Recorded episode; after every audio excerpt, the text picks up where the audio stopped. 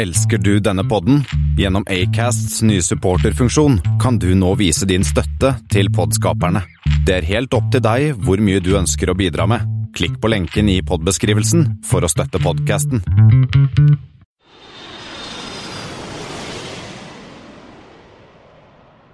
Hei og velkommen til Flypoddens Flight 23, som også den gangen spilles inn over det store internettet fra den spanske ferielandsdel 8 og Mjøndalen. Som alltid hører du eh, rogalandsken til Thomas Lone. og østlandsken til Kristian Kamhaug. Og vi skal sitte her og nerde med dere i ca. tre kvarter i dag òg, selv om det er sommer og fint vær. Eh, Denne gangen skal vi jo snakke om ei skikkelig gullrute.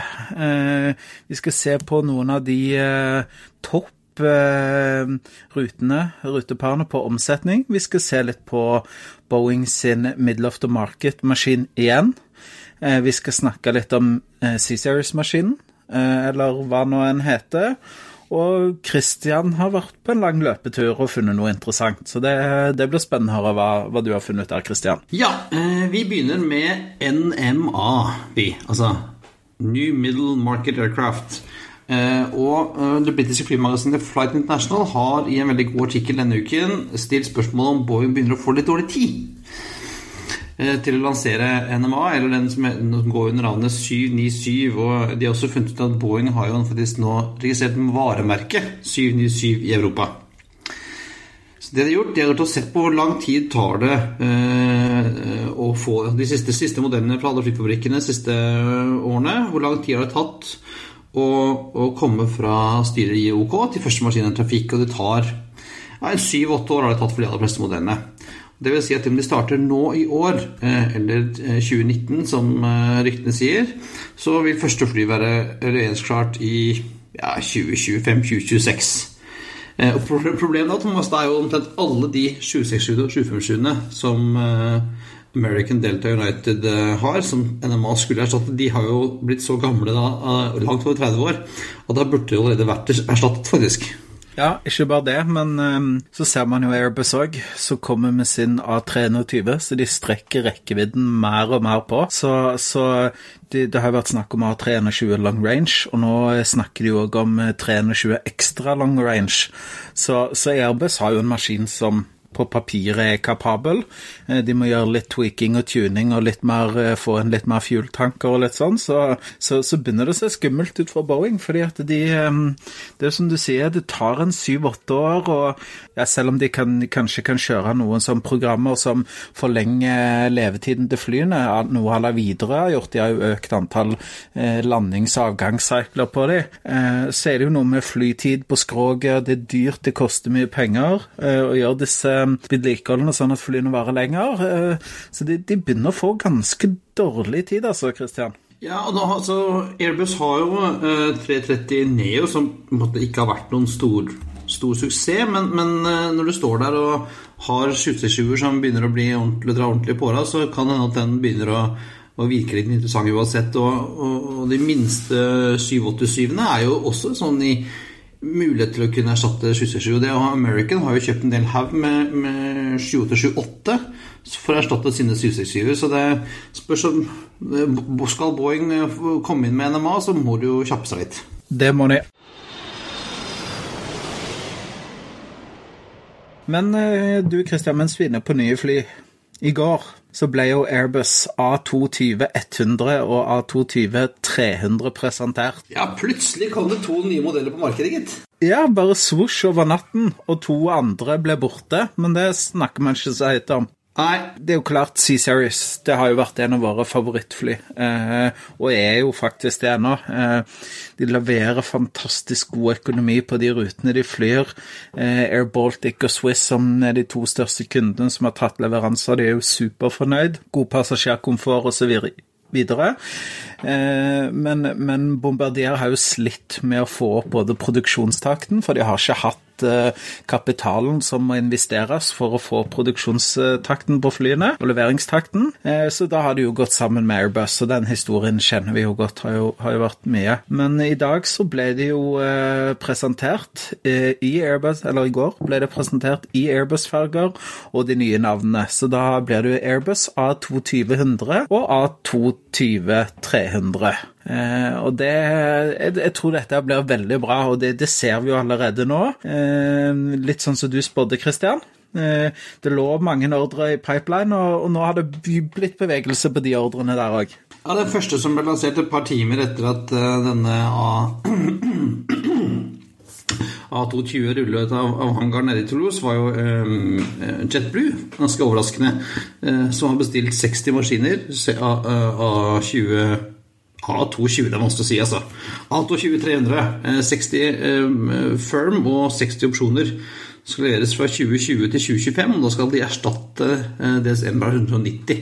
Jeg hadde som eh, inntrykk av at JetBlue var fornøyd med membrane, men nå skal de ut og erstattes med, med holdt jeg på å si Sears A220. Eh, og litt som vi var inne på tidligere, at det, en, en, av fordelene med å ha sånn Airbus på laget for C-Series-gjengen, er jo at uh, de har jo supersengerne fra Airbus. og slik at Denne dealen som JetBlue hadde her med Airbus, var jo ikke bare uh, A220, det var også uh, 320-modeller. Uh, slik at de kan, kanskje de fikk en bra deal på, på A220 mot at de tok disse andre A321 ned og så A320 ned også. Så det, du får liksom eh, mer å spille på. Og det er jo um, en del av disse maskinene, sånn som jeg har forstått det, skal jo, eller alle disse som skal til JetBlue, skal produseres i Mobile, Alabama. I forhold til kapasiteten der nede på produksjonen, så ser vi jo at her er det jo plass til ganske mange flere eh, ordre, er det ikke det, Christian?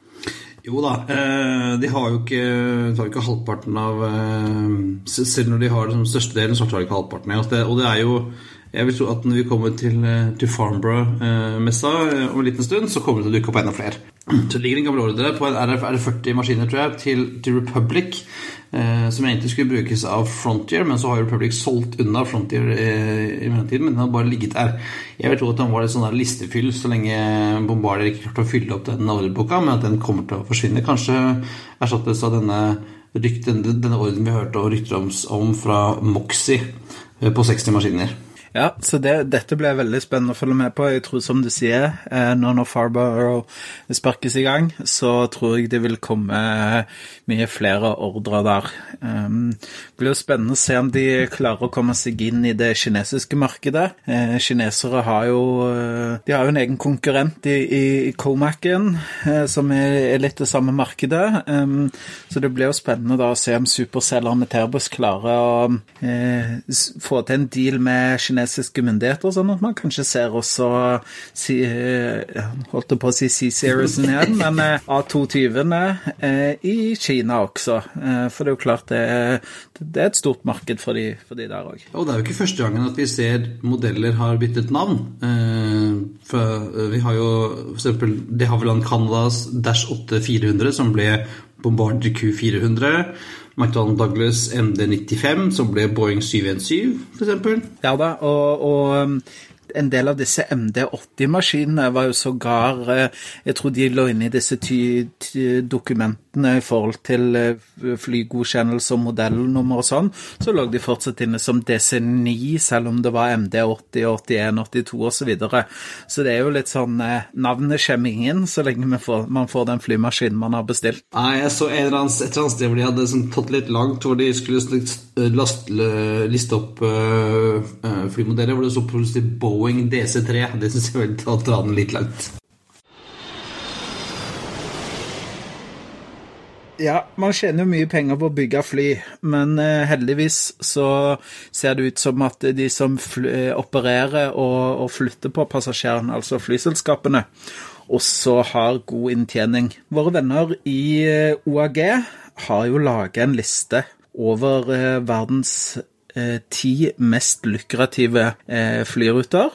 Eh, da har man sett på um, omsetningen per flyselskap per City Pair. Vi har jo nå snakket om de lengste, vi har snakket om de mest trafikkerte flyrutene, men nå ser vi da altså på de mest lønnsomme. Og det varmer vel økonomhjertet ditt, Christian, at man også ser på omsetning, og ikke bare Pax og, og, og frekvens. Ja, de kaller det sånn de mest lønnsomme, men nå, ikke, nå, er jo lønnsomhet en funksjon av både inntekter og kostnader. Men dette er jo en, en som du sier, en, en, en indikasjon på hvilke, hvilke, ruter som gir mest penger i kassa, i hvert fall på inntektssiden. Og det er interessant. Ja, og ikke uventa så er det ruta mellom JFK og London Heathrow, British Airways, som topper den eneste ruta som klokken på over holder fast 1 milliard dollar i året. Det er ganske heftig for å flytte passasjerer mellom to verdensmetropoler. Ja, og uh, Vi har jo snakket om London eh, JFK tidligere, og det er jo en, uh, en gullrute. Det er klart det, Jeg tror det var OAG eller Forbes som sagt at dette var verdens første flyrute som klokka inn over en milliard dollar på tolv måneder. Neste på lista er jo, er jo Melbourne-Sydney, som ligger inn på en 850 millioner dollar med Qantas. Og så følger liksom, på listen nedover så har vi Heathrow Dubai, vi har Heathrow Singapore, vi har LAX JFK American, vi har San Francisco Newark United, Hongkong til Heathrow igjen, Cathay Pacific. Eh, Heathrow igjen eh, til Doha og Qatar, eh, Vancouver, Toronto i Canada, og så Sydney, Singapore og Singapore Airlines, som ligger på en 540 eh, millioner dollar. Så omtrent nummer én er omtrent dobbelt så mye, omtrent dobbelt så mye inn i kassa som nummer, som nummer ti. Interessant. Eh, og interessant når vi ser på lista, som på de ti mest eh, lukrative, så ser vi at halvparten av dem eh, er jo til fra Heathrow. og det er jo ikke rart at da et slotts som vi snakket om i flight 16 på Heathrow har vært sånn 100 millioner kroner. Får du en slotts på Heathrow, så kan du liksom nesten garantert at du tjener gode penger. altså. Men det er jo verdt å merke seg da, at um, sist, uh, men ikke minst, så er jo dette at her er det jo bare per flyselskap. Så det kan jo være at det, det, er jo flere flyselskap som flyr mellom JFK og Heathrow, men dette er kun snakk om den inntjeningen som British Airways har. Så det reelle tallet er nok uh, på godt over en milliard dollar hvis man uh, tenker på American som flyr, og, og, andre. Ja, Vi har lagt hele lista, ligger som en uh, tabell på flypodden.no, kan du se på lista. Videre, Christian, har vi jo snakket litt om, eh, og de har jo da startet opp eh, et nytt samarbeid. Det er jo ikke så lenge siden de inngikk samarbeid med KLM, men eh, nå, eh, gjerne ikke så uventa siden det var KLM i siste omgang, så har de også inngått samarbeid med Air France. Så da er man jo oppe i både SAS, Norwegian, Finnair, KLM, og da Air France som videre har inngått Codeshare-samarbeid med. Ja, og, og, i første omgang så snakker vi om rutene Bergen til Aberdeen, Billund, Göteborg, Florø, Ålesund, Molde, Kristiansund, Torp, Kristiansand, Bodø og Tromsø. Og fra Oslo til Stokmarknes, Leknes, Mosjøen, Mo i Rana, Brønnøysund, Sandnessund, Florø, Göteborg, Ørsta, Volda. Eh, pluss København, Kristiansand og Sandefjord. Så det er jo bare disse kommersielle rutene som videreflyr. Det er jo ingen av anbudsrutene som, som jeg kan se her, som, som ligger inne som, som um, er dekka av dette nye coacher-samarbeidet. da. Og For de som uh, måtte ikke ha fått med seg, så er jo coacher det betyr at man kan sette sin Air France kan sette sin kode på Widerøe-flighter og omvendt på disse, på disse rutene. Men i praksis, du som har jobba litt med dette, Christian. Hvor stor eh, I og med at man har internettreisebyrå og man kan sy sammen sin egen reise og litt sånn, i praksis har dette noe å si for passasjerene, eller er det mer en, en, en ting som er greit for flyselskapene gjøre, at de kan um, få mer igjen av inntektene eller noe den type greiene? Hva, hva, hva er motivasjonen bak her? Coaches ble jo starta, jeg tror American som begynte med coaches back in the day, eh, og det handlet jo om å utvide sitt rutenett. Altså, nå, kan, nå kan jo Air France selge uh, Paris, København, Kristiansand f.eks. Uh, med en Air France-kode hele veien, slik at de kan dukke opp i, i um, reservasjonssystemene som en Air France-rute. Ehm, jeg vet ikke om de gjør det samme motsatt med at du kan få videre fra København til eh, Paris, men eh, i hvert fall så gjør det at man eh, Air France kan utvide sitt rutenett og videre få flere passasjerer på sin rutenett. Du får jo gjennomgående billetter. Det har vi jo snakket om tidligere, at det lønner seg når du kjøper billetter fra et, fra et sted med mellomlanding, at du kjøper en gjennomgående slik at du er sikra hele veien. da, Fra Kristiansund til Ho Chi Minh, hvis det er det du vil. Og det, det er fordel å ha da en, en, gjennomgående kode på hele veien. Men hvordan er det da med inntektsfordelingen? Er det noe som er regulert i denne coacher-avtalen? Altså, jeg regner med at hvis man da flyr, flyr Air France fra New York til Paris, videre til Oslo og så til Florø, så deler jo ikke Air France og videre dette 50-50 inntektene for denne billetten? Nei, det er en sånn, noe som kalles proratering. Eh, dette her er fra mine gamle dager som, som pricing-ansvarlig i SAS, eh, Thomas. Det er kjempegøy. Men prioritering er jo en, en ganske sånn komplisert måte hvor, hvor mye for hvert selskap. Og vanligvis er det sånn Flyr du en tredjedel, så får du en tredjedel. Eh, men så finnes det jo sånne provisor, provisorer man kan si at det skal ha minimum dette for å være med. sånn, Så det er ganske, ganske kompliserte avtaler. Eh, og det var noe av problemet som når Bråten back in the day var eid av deler av KLM, så var det sånn at Bråten hadde inngått en veldig dårlig avtale. Slik at nesten alle inntektene som gikk på flighter som gikk med Bråten fra Oslo til Amsterdam og videre med KLM, så gikk nesten alle inntektene til KLM. Eh, så det var noe som var med på liksom å, senke skuta. Da, til det. Så det er viktig å ha en, en bra coachavtale som faktisk eh, du tjener penger på.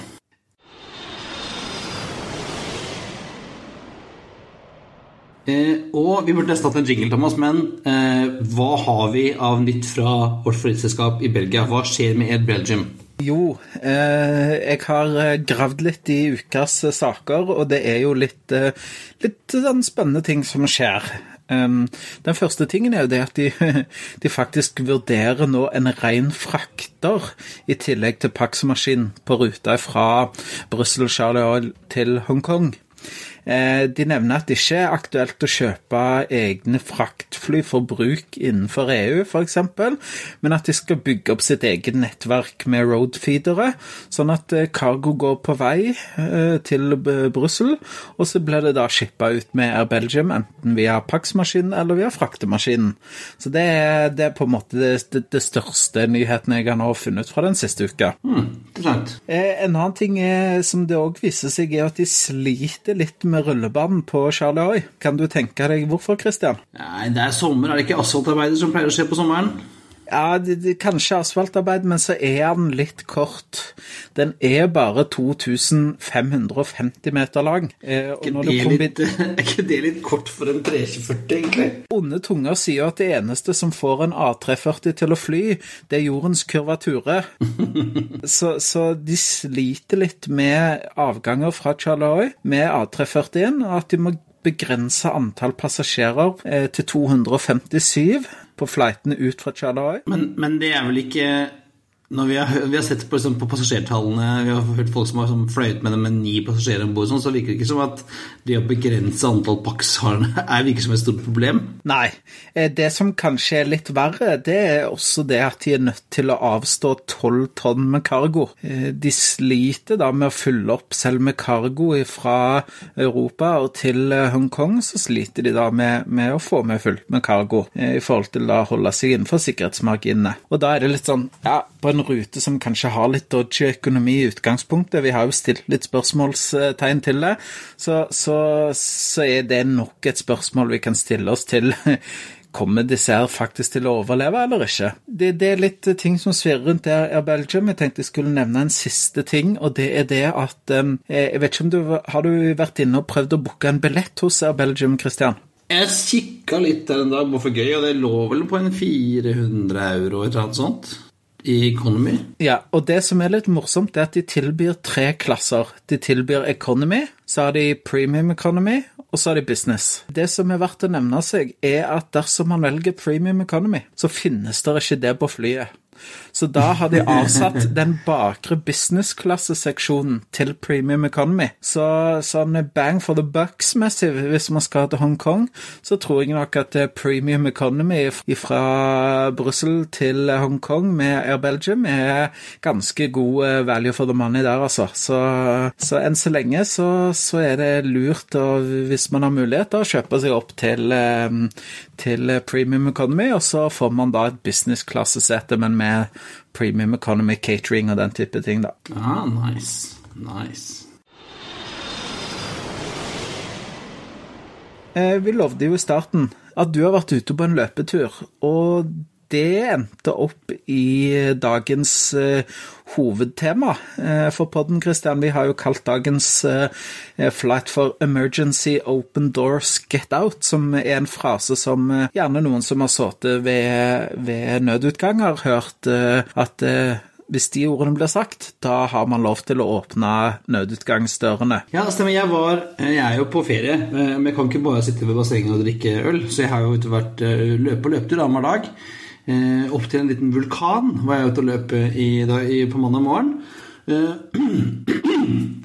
Og da satte jeg på en spilleliste med irsk folkemusikk. Jeg er en av mine mange særegenheter at jeg er, veldig glad i irsk folkemusikk. Jeg skylder på faren min for det. Uansett. Etter at min liste var oppbrutt, så begynte Spotify å foreslå andre låter som tilsvaret den lista jeg hadde. Og så dukket det opp en sang i øret mitt som het White Squall. Skal vi høre det som her?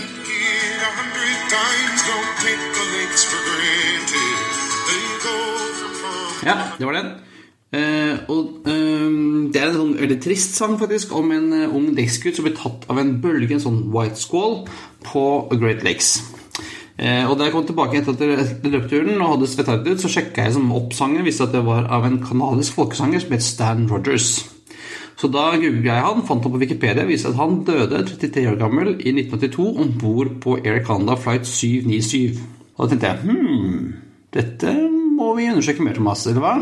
Ja, og det, jeg syns jo det, Christian, at du kommer på mye rart når du er ute og løper. Eh, om det var lykselump eller skjebnen eller hva det var, at du skulle plutselig komme inn på Stan Rogers og, og, og sjekke opp eh, på Wikipedia.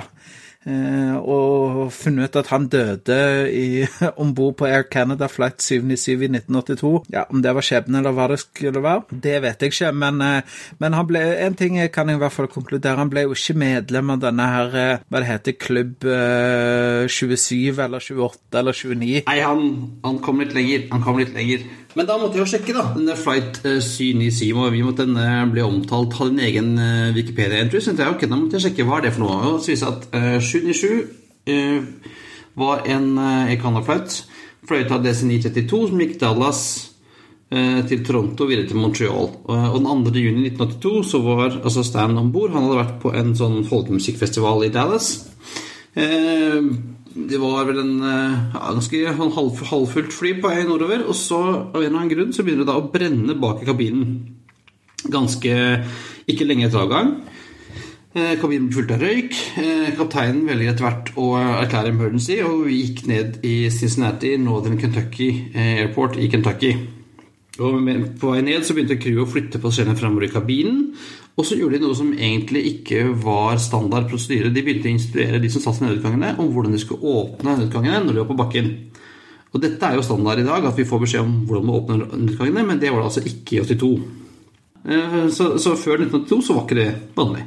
Og landingen ble gjort vanskelig ved at brannen hadde begynt å slå ut en del av de elektriske instrumentene. Og når det endelig kom det, så ble det ganske tøft sammenstøt med mot jord.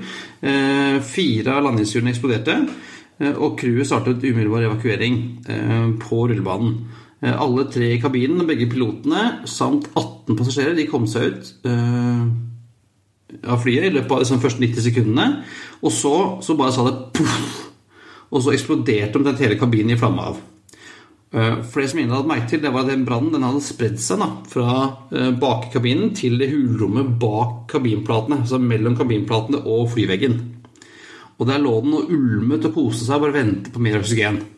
Og den kom jo da, når alle nødutgangene åpnet, så kom jo luften inn, og poff, sa det. Så alle de 23 som da var igjen, deriblant Stan, de omkom. De fleste ble funnet i den fremme delen av kabinen. Noen ble også funnet bak.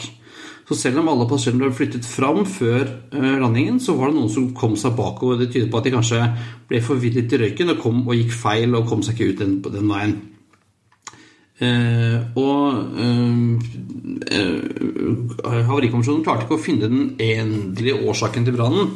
Eh, men det tyder at det var noe mer enn bare at noen hadde sluppet en sigarett i, i, i søpla bak der. For at, du husker at man kunne røyke på fly i 1982.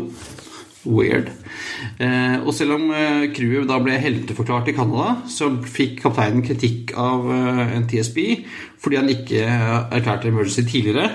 Han var faktisk, jeg tror ikke han var klar over hvor alvorlig den brannen var. De trodde først at det bare var en liten brann bak i, i, søpla. Så han fikk litt, litt kritikk der, men de klarte ikke å finne den egentlige årsaken. Det viser at det flyet hadde vært skadd bak, hadde hatt en skade i halen tidligere, så det kan ha vært noen ledninger som ikke var ordentlig isolert. Jeg vet ikke helt.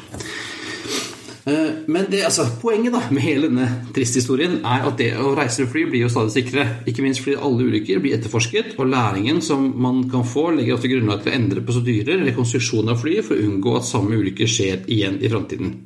Så da eh, NTSBs rapport kom ut i 84, så kom de med flere anbefalinger som har blitt standard i dag. F.eks. det å instruere passasjerene som sitter ved nødgangen, om hvordan de åpner dem i en nødsituasjon. Det er jo noe som vi er vant til å gjøre nå, Thomas. De spør alltid forklare hvordan, hvordan eh, den åpnes. Og også at man ikke kan sitte ved nødgang om man er eh, blind eller døv eller eh, har små barn f.eks. Det var jo vanlig før 82, så kunne alle sitte der uansett. Og det å innføre røykvarsler på toalettene, det var det ikke før 1982. Ja, riktig. Så det, det har vært en mye som kom ut fra denne ulykken som på en måte er standard i dag, altså. Det er litt Ja, sånn eh, ja, det er litt sånn tankevekkende at denne ulykken her var, var bakgrunn for så mye av det kalles standard-sikkerhetsprosedyrene og utstyret som man bruker i dag. Ja, og ikke minst det at du har lysende eller selvlysende markering i gulvet og langs øh, veggene for å vise hvor nødutgangen er, øh, var jo ikke standard før 82. Det ble en av anbefalingene etter ulykken. Og det å ha brannresistente materialer og materialer som avga mindre farlige gasser. For veldig mange av de som døde her, døde faktisk av å inhalere giftig gass. Og I tillegg til dette, så var jo den ulykken her var en av flere ulykker som var med å skape den standarden som vi har i dag, om at flykabiner skal kunne tømmes på under 90 sekunder. Ja, og det var jo Jeg husker tilbake, det er vel en eh, litt over ti ja, Det er vel kanskje snart blitt en tolv år siden. Når eh, A380-en skulle sertifiseres, Christian, så var det jo Den hadde jo flydd, alt var ok og alt sånn, men det som virkelig fikk eh, disse lederne og selgerne og alle hotshotsene hos Airbus til å, å på en måte skjelve i buksene, det var tanken på at 873 passasjerer skulle tømme eh, eller skulle ut av en Airbus A380 i løpet av 90 sekunder med halvparten av utgangene blokkert, og crewet visste ikke hvilke. Nei, og det var jo flere, De gjorde jo flere sånne faktisk live-demoer med, med markører, med studenter og folk som ikke hadde noe, med Airbus å gjøre. for å teste. Jeg var, jeg var på nippet til å reise ned til Toulouse bare for å prøve å være med på det, faktisk. For det hadde vært en veldig gøyal eh, eh, en, en gøyal test å være med på. Ja, så det var jo eh, Og, det, det, det syns jeg altså vi, Det er jo det er jo det som avgjør i dag hvor mange passasjerer et, et eh, fly er sertifisert for å ha med seg. Eh, så, så de, en Airbus A380, selv om det er ingen som har 873 passasjerers konfigurasjon i dag, så er det på en måte det som er maks, for det er det som er testa. Så selv om eh, man kan skvise inn 900 seter hvis man ønsker det, så, så får man rett og slett ikke lov til å ha med seg mer enn 873, for det er det testen gikk ut på. Så det er jo, eh, det er jo veldig strenge krav, og jeg tenker sånn må det jo være. Eh, fordi at i en sånn nødsituasjon så er det jo essensielt å kunne tømme flyet raskt. Og vi vet jo alle, eh, hvis man har sittet bak et fly eh, på rad 28 i en bare en vanlig 737, hvor lang tid det tar for folk å komme seg ut. Eh, og nå skal jeg komme med en liten rant i forhold til det som ikke jeg har opplevd selv, men som jeg har sett folk gjøre i sånne eh, Når man har evakuert fly. Folk som reiser seg opp, tar med trillekoffertene sine, skal ha med seg shoppingposen Det er jo helt crazy, altså. Eh, jeg, tenker, jeg håper for deres del at de blir så i villfarelsen at de på en måte ikke tenker klart. Eh, Da, da er de på en måte litt unnskyldt. Men at hvis man tenker klart og reiser seg opp og tenker ja, faen, disse vinflaskene, taxfree-en, det må jeg i hvert fall få med meg. Eh, Ja, da kan folk ta seg en bolle, ass. Så er det viktig å ta ut den spriten, da, for den er jo brannfarlig. Så den er greit å ta med ut. Ja, det er sant. Det er et godt poeng. Ja, så um, tenk på det, folkens. Neste gang du sitter ved nødgangen og blir forklart til kabinpersonalet hvordan du åpner dørutgangene. Ja, emergency. Doors open og get out, så da må du sende en eh, vennlig tanke til Stan Rogers og de 22 andre som døde i, i Kentucky 2.6.1982. Og de døde ikke forgjeves. De, eh, deres ettermæle er det at vi har en mye sikrere flyhverdag i dag. Og on a lighter note, som man sier, Thomas, så har jo du et spill, et online-spill, er det vel, som du har prøvd å få meg til å spille en stund. du ville at det skulle være ukens anbefaling i dag? ukens anbefaling, ja. Ja, nei, men det, det kan jeg godt anbefale. Um, det er et spill Jeg har testa mange av disse driv ditt eget flyselskap-spillene som, som, er på nettet. Uh, og noen er dårlige, uh, noen er halvgreie, men Airline Sim Aero er faktisk veldig bra. Konseptet er jo veldig enkelt, også veldig vanskelig. Eh, start ditt eget flyselskap. Og det er Det går i real time. Eh, så det vil si at eh, når du setter opp eh, en slynge som fly skal fly, f.eks. en uke, så, så, tar det en uke. Så, så, den maskinen som jeg sender av gårde fra Bangkok til, til London, det tar faktisk tolv timer før den kommer fram. Så alt går i real time. Det er ordentlige flytyper. Og, og det, man kan styre alt fra um, kabinkonfigurasjon til uh, om man skal tilby gjennomgående billettering til interline-partnere. Uh, man kan bygge sine egne terminaler. Man kan leie ut terminalplass til, uh, til interline-partnere eller alliansepartnere for den del, eller andre. Så det, det er veldig mye nitty and gritty details som man kan jobbe seg gjennom. Um, det flyselskapet som jeg driver på med nå, som heter The Kingdom Airlines, basert i Bangkok. Vi flyr eh, stort sett alle destinasjoner som er aktuelle fra Bangkok, og litt til. Eh, og det er utrolig morsomt, og det er konkurranse eh, Veldig sånn konkurranse. Jeg eh, hadde lagt meg opp litt penger, så nå starter jeg opp eh, Man kan jo ikke starte opp hvis man f.eks. er basert i Bangkok eller Thailand, så kan man ikke starte opp f.eks. å fly i Norge. Det har man ikke lov til i virkeligheten, har man heller ikke lov til her. Men det finnes en del land som er sånn eh, åpne for foreign investments. Eh, så da har jeg nå startet opp i Ukraina, for det, der går det an. Og da prøver jeg nå å konkurrere ut han eh, lokale Fly Ukraine. Så, så, da er UK Air, som jeg har kalt det, UK Air, eh, de skal da prøve å konkurrere ut. Så nå, så nå har vi startet opp med noe CRJ 900 der, som, som, går litt til forskjellige innenriks- og europadestinasjoner fra, fra Kiev. Så det, det, blir spennende. Spiller du mot andre, da, eller er det sånn mot, mot, uh, mot deg selv? Ja, det er begge deler, men, men eh, sånn som den kaller verden som jeg er i, da. Eh, verden den er oppkalt etter gamle flyplasser. Så Fornebu er der, og Elikion, eller hva det heter, og den gamle utenfor Aten og sånn. Der er den, det, det starta med en 1200 andre spillere, så nå er vi vel nede i en 400. Og da har vi spilt det spillet nå siden november i fjor. Så, så, det er på en måte eh, det, Når vi har snakket om Kristian, så er du litt redd for at det er slutt på både bloggen din og podden og jobben og familien og ja, Jeg kan ikke begynne med det der. Altså, det, der er, det der er crack altså, for free nerds. Det er jo helt det, Du kan ikke holde på med det. Jeg kan ikke begynne. Jo, men det er veldig slow pace, da. Det er ikke, det er ikke sånn at du må inn og sjekke hver eh, tiende minutt har det skjedd noe nytt. For det flyet du sendte av gårde, eller som, som, går til eh, fra Bangkok til Zürich, de kommer ikke fram nå. Det kommer fram om tolv timer. Så, så, det er ja, det er litt hva du legger opp til selv, men det, det, er ikke, det, er ikke, sånn som disse spillene her som du må være pålogga hele tiden, ellers så går du glipp. Nei, høres farlig ut. Jeg holder meg unna Thomas. Jeg holder meg unna en god stund til, altså. Men du liker konseptet? Jeg syns det er interessant. Jeg synes det høres gøy ut. Det, det, kan, det er en mulighet for alle som eh, er i alle mulige fora og mener de kan drive flyselskap bedre enn en, uh, eh, Willy Walsh og Michael Leary og Rikard Gustavsson. Kan jo prøve seg selv, da, og se hvor enkelt det er. Det kan de gjøre, for det er definitivt ikke så veldig enkelt på airlinesim.ro. Jeg brukte noen eh, ja, si et par år før jeg kom ordentlig inn i det. Jeg kan ikke begynne med Therese. det. Det er livsfarlig. yes, men Christian, det vi sier at det var alt for i dag. Du som hører på, takk for at du lånte øret ditt til oss uh, i disse 40-45 minuttene nok en gang. Uh, du finner som alltid det vi har snakket om i dag. Uh, linker til det på flypodden.no.